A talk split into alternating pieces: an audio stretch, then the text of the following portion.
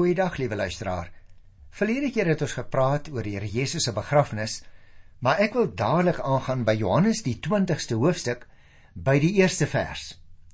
Want hier kry ons 'n wonderlike wonderlike nuwe inset in hierdie tragiese gebeure.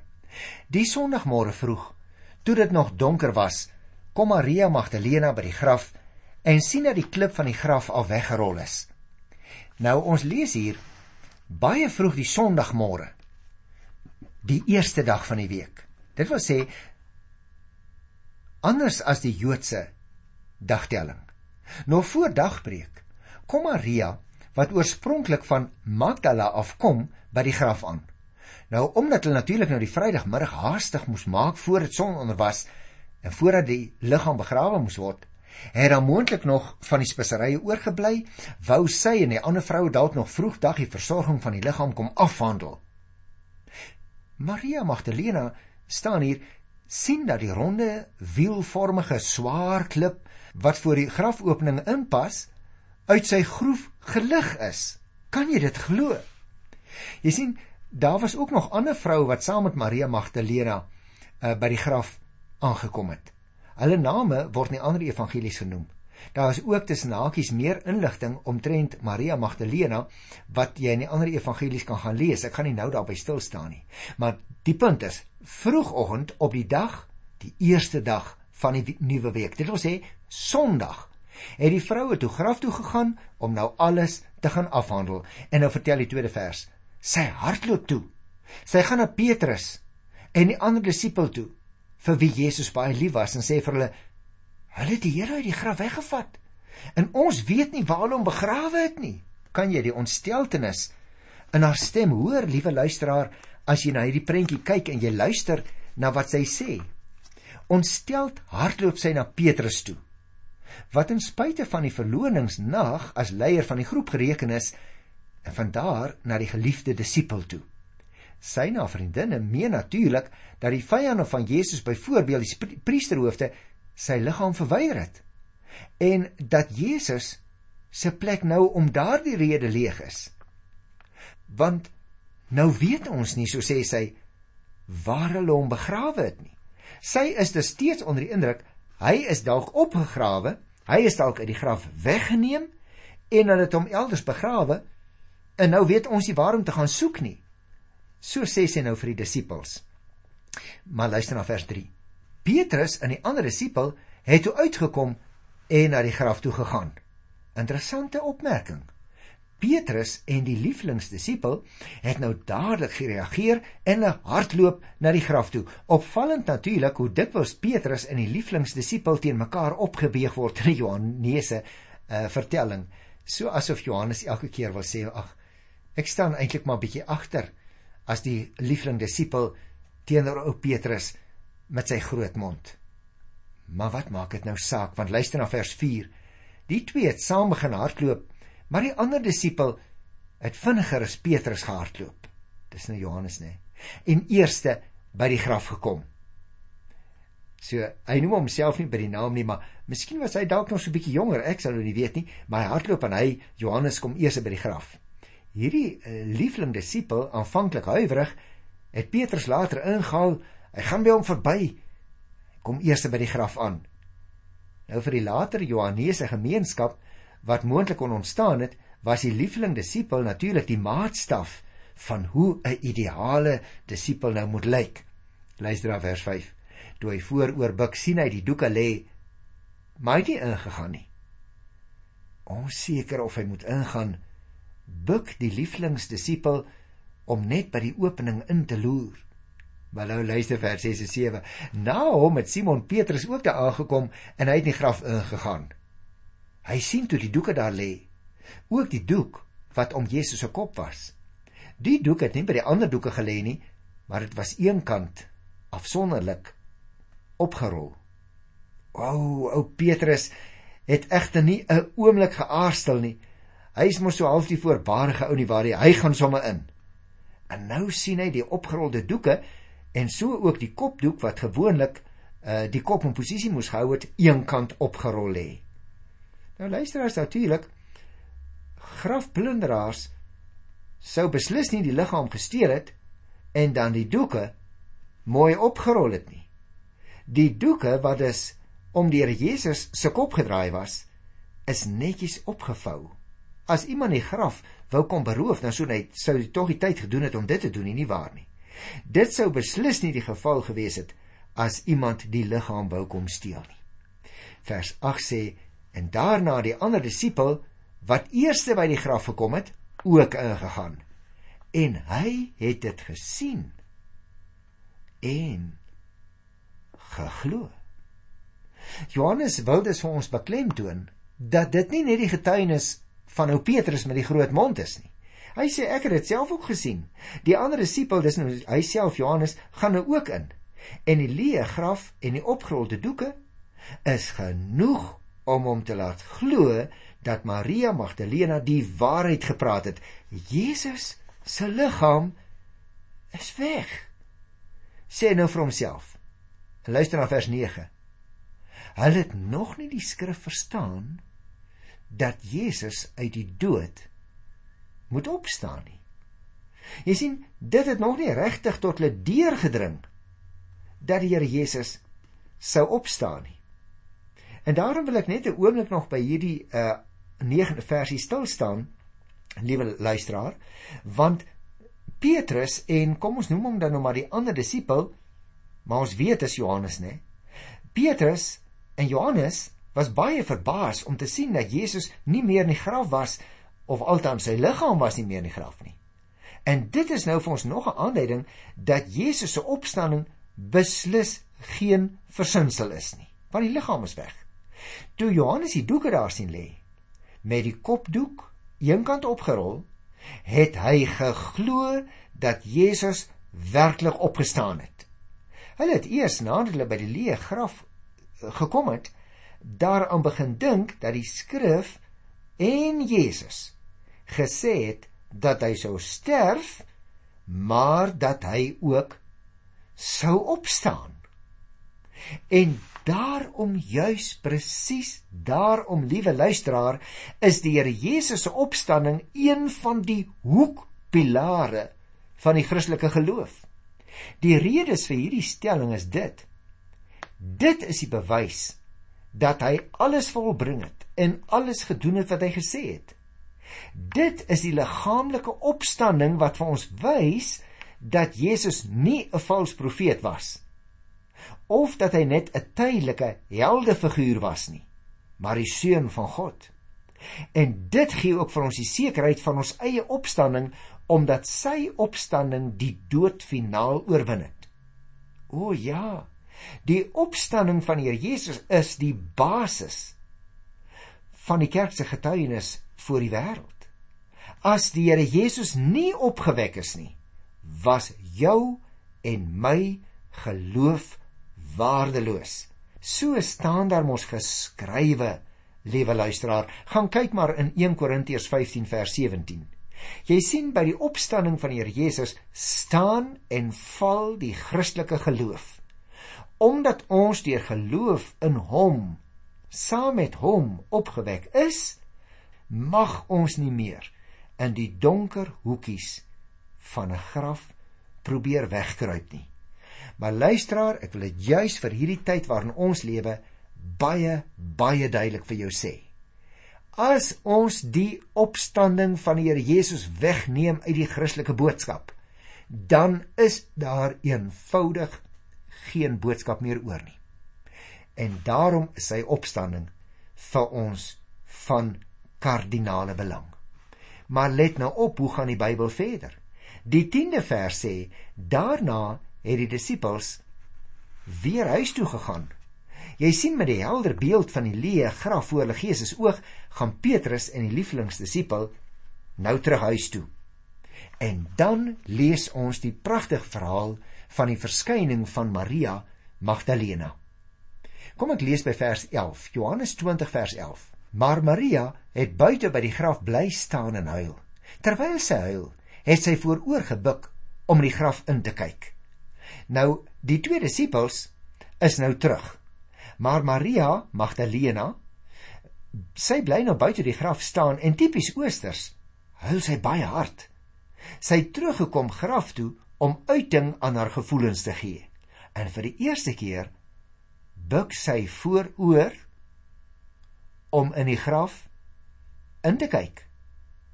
En nou sê vers 12, toe sien sy twee engele met wit klere aan haar sit waar die liggaam van Jesus gelê het.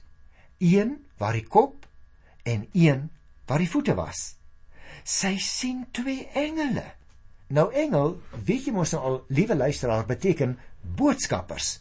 Sy sien dus twee goddelike boodskappers in helder klere wat by die kop en die voete en sit op die klipbank waar die liggaam van die Here Jesus gelê het.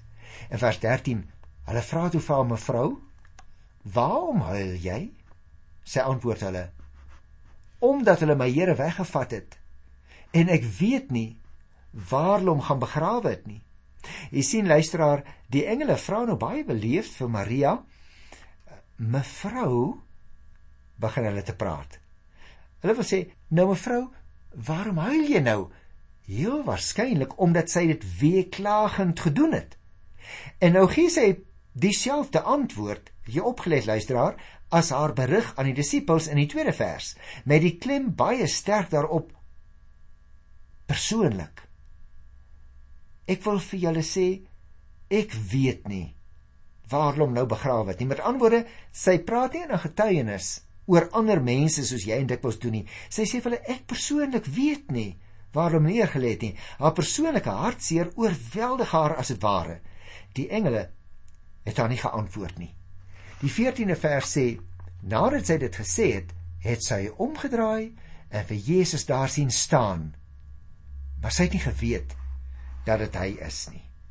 Moontlik, liewe luisteraar, lyk dit vir my het die engele op daardie oomblik opgekyk of dalk het sy self 'n beweging agter haar waargeneem. Sy draai haar nou om en vir wie sien sy daar staan? Niemand anders nie as die Here Jesus self. Vers 15 Jesus vra haar toe: "Mevrou, waarom huil jy? Vir wie soek jy?" Sy het gedink dit is die tuinopsigter Sy het vir hom gesê: "Meneer, as u hom weggevat het, sê vir my waar u hom begrawe het, en dan sal ek hom daar gaan haal." Jy opgemerk, liewe luisteraar, die Here Jesus vra vir haar waarom sy huil en dan voeg hy ook nog by: "Wie soek jy?" Die klem val dus op die persoonsaanduiding vir wie? O Maria soek 'n lijk in plaas van 'n persoon.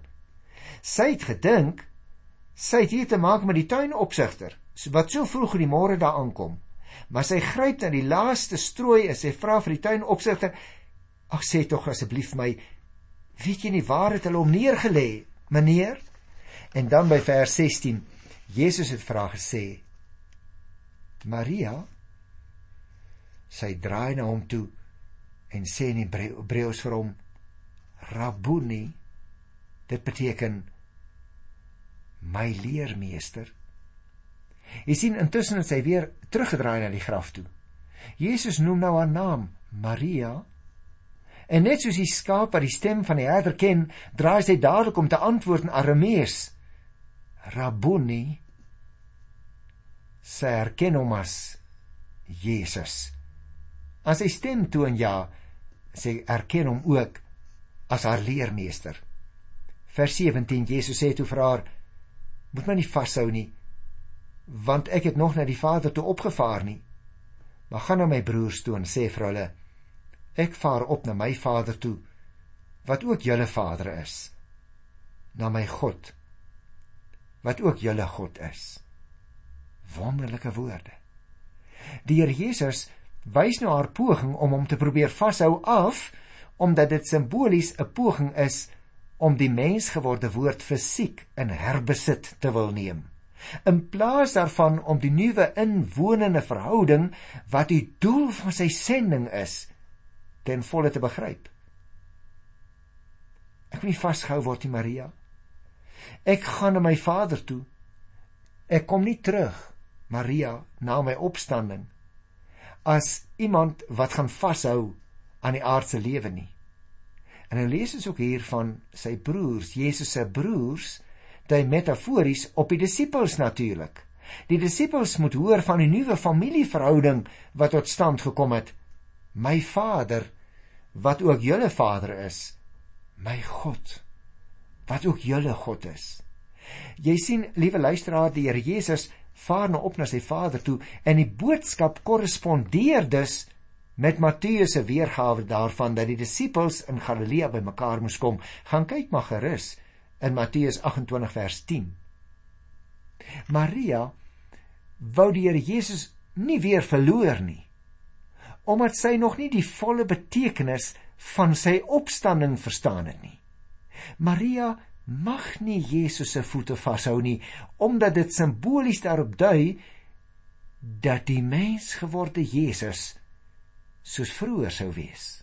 Nee, luisteraars, dit gaan oor die opgestane Here wat geestelik deur geloof by mense kom woon.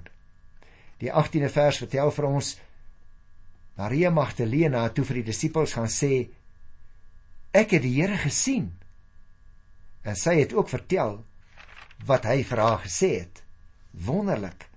En daarom is dit so belangrik dat ons sal opmerk, liewe broer en suster, sy gaan dadelik en sy gaan vertel.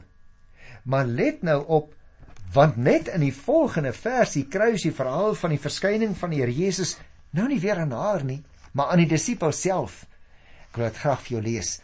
Daardie Sondagoggend was die disippels bymekaar Hoewel die deure gesluit was om dat hulle bang was vir die Jode, het Jesus gekom en tussen hulle gaan staan en vir hulle gesê: "Vrede vir julle." O, oh, luisteraar, ek dink dit is seker die ding wat hulle die meeste nodig gehad het, want hulle is bang vir die Jode. Al die deure is gesluit, hulle kruip weg soos honde wat bang is met hulle sterte tussen hulle bene gewoonlik onder jou en my stoel inkruip. So kruip die disippels weg vir mense, hulle skaam ook want hulle het van hulself gekke gemaak om iemand te volg wat gesterf het en wat dood is en begrawe is in 'n graf vrede vir julle vers 20 sê nou dat hy dit gesê het wys hy sy hande en sy sy vir hulle. Die disippels was baie bly toe hulle die Here sien. Nou kon natuurlik verstaan hè want hulle hoor sy bekende stem met die bekende inhoud van vrede. Dit hoor hulle. En dit het tot gevolg dat Jesus se identiteit nie net gehoor is nie, want hy wys vir hulle sy hande, die bekende hande. Hy wys vir hulle sy sy. Hulle het onthou wat gebeur het 3 dae van tevore. En dit het dan tot gevolg dat sy identiteit finaal sigbaar word. Jy onthou ek het al so baie vir jou gesê Johannes In sy evangelie gaan dit juis oor die bekendmaking van die identiteit van die Here Jesus. En lees nou vers 21 saam met my. Daar staan: Vrede vir hulle, sê hy weer vir hulle. En nadat hy dit gesê het, blaas hy oor hulle en sê: Ontvang die Heilige Gees. Net dit is 'n simboliese handeling. Want net soos wat hy sy disippels uitgestuur het vroeër, so verleen die Here Jesus nou aan hulle die toerusting wat hulle in die sending nodig sal hê. Naamlik die Heilige Gees wat binnekort uitgestort gaan word in sy volheid. Vers 23 as julle vir mense hulle sondes vergewe, word dit hulle deur God vergewe. As julle dit nie vergewe nie, word dit nie deur God vergewe nie.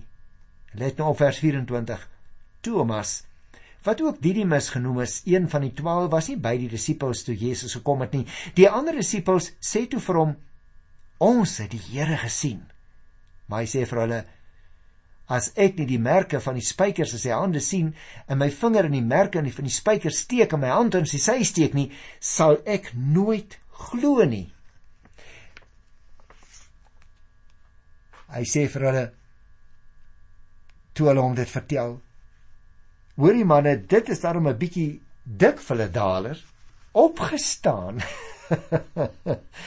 ek sal dit nie maklik glo nie. Nou ek wil graag luisteraars in 'n paar minute wat oor het dat ons weer die prentjie nie die prentjie net so vir 'n paar minute sal teken. Nou praat ons volgende keer verder oor Jesus en Thomas. Ek wil daai paar versies afsonder want dis belangrike versies. Maar kom ons teken hierdie prentjie wat ons nou net gelees het. Die Paasmôre begin so geheel en al anders lyk dit vir my as wat jy en ek graag sou wou sien. Dit moes gewees het Christus het opgestaan, die beloofde heilstyd het aangebreek, die dood in die graf is oorwin en oopgebreek. Christus het die eersteling uit die dood geword, die baanbreker. Gaan lees maar Kolossense 1:18. In hom het die opstanding van die dode aangebreek, alle dinge het nuut geword. Maar luisteraars, as ons die Bybel oopmaak by hierdie gedeelte in Johannes 20 en die disippels bekyk, dan lyk die opstandingsmôre na alles behalwe vreugde en blydskap. Want hier vind ons geen blye stoet van mense nie, geen fees in die harte van sy volgelinge nie, geen loflied op die opgestane Christus nie. Inteendeel, die tweede vers het vir ons vertel van Maria Magdalena wat benoud vir Johannes en Petrus gaan roep het na haar ontdekking van die leë graf. Dit vertel van die geskarrel van die disippels in die terugkeer huis toe. Inderdaad, vir hom wat op Paasmôre wil begin by disippels en by hulle reaksie, hoe vir hulle wag daar geen vreugde nie hoor. Maar as jy en ek sal begryp dat in Johannes 20 die opgestane Christus op die agtergrond straal, as ons begin by die verheerlikte en nie by mensies nie, dan sal ons verstaan dat met hom God se nuwe tyd nou finaal aangebreek het en daarom is die fokuspunt so belangrik want terwyl engele hom reeds aanskou het as die verheerlikte, kyk sy disippels nog na speserye. Terwyl 'n vrou by 'n leë graf die laaste trane stort vir gestorwe heiland, het hy self reeds die pad van sy verhoging betree. En daarom, liewe luisteraars, val die lig nie op mense op opstandingsmôre nie. Elke Sondagoggend val die lig nie op mense nie, maar op die eersteling uit die dood. Hy verander gedagtes oor dood in gedagtes oor lewe. By die graf, ja, by die graf keer hy rouklag om in feessang, gebroke harte in wy in harte wat net vreugde dra. Jy sien op hierdie dag maak julle oë oop vir die wonderwerk. Geliefde, hy wat op Paas Sondag wil begin by mense, sal nooit iets kan begryp van vreugde nie. Hy wat wil kyk na die kerk, wil sê wat 'n skamele groepie in die wêreld is die Christene tog nie. Maar luister, vir hom wat wil kyk na die Christus van die opstanding, vir hom sal die loflied nooit weer stil word nie. Christus is die eerste. Hy wil die eerste wees. Die graf is nie geskend nie. Dis verlaat. Christus het waarlik opgestaan Daar is geen plek vir trane in die opstandingsevangelie nie, behalwe miskien trane van aanbidding, trane van dankbaarheid. En daarom, liewe luisteraar, as jy vandag vir die eerste keer by ons program ingeskakel het, ons vertel mekaar in hierdie program geskiedenis. O ja, want die Christendom is 'n historiese godsdiens. Die dinge het werklik gebeur. Maar ek vertel jou ook die boodskap Jesus anders as in enige ander godsdiens Jesus het opgestaan. En daarom wil ek jou nooi, liewe luisteraar, vir die eerste keer of vir die soveelste keer kom buig in aanbidding voor hom. Moenie na die Christene en hulle foute kyk nie, want ons faal so dikwels. Maar as jy na die gelowige uitgaan en naby hom kom, dan sit hy jou gedagtes in beweging. Dan trek hy jou mee uit die staat van vernedering na die staat van sy verhoging. Dan fokus hy weer alle aandag op homself, op Jesus die verhewe Christus van God. Dan begin jy weer van binne af gloei. Dan begin jy weer in die sentrum van jou godsdiens deur Jesus raak sien. Dan begin jy weer onkeerbaar verlang na hom uit wie jy moet lewe Jesus Christus die verhewene en dan dan begin jy swyg oor die swakhede van sy disippels en van die kerk. Dan begin jy praat oor die grootste wonder van alle eeue. Jesus Christus het opgestaan. So begin Jesus op die opstanningsdag met sy disippels werk. In sy wonderlike naam groet ek jou tot volgende keer Tot dan. Totsiens.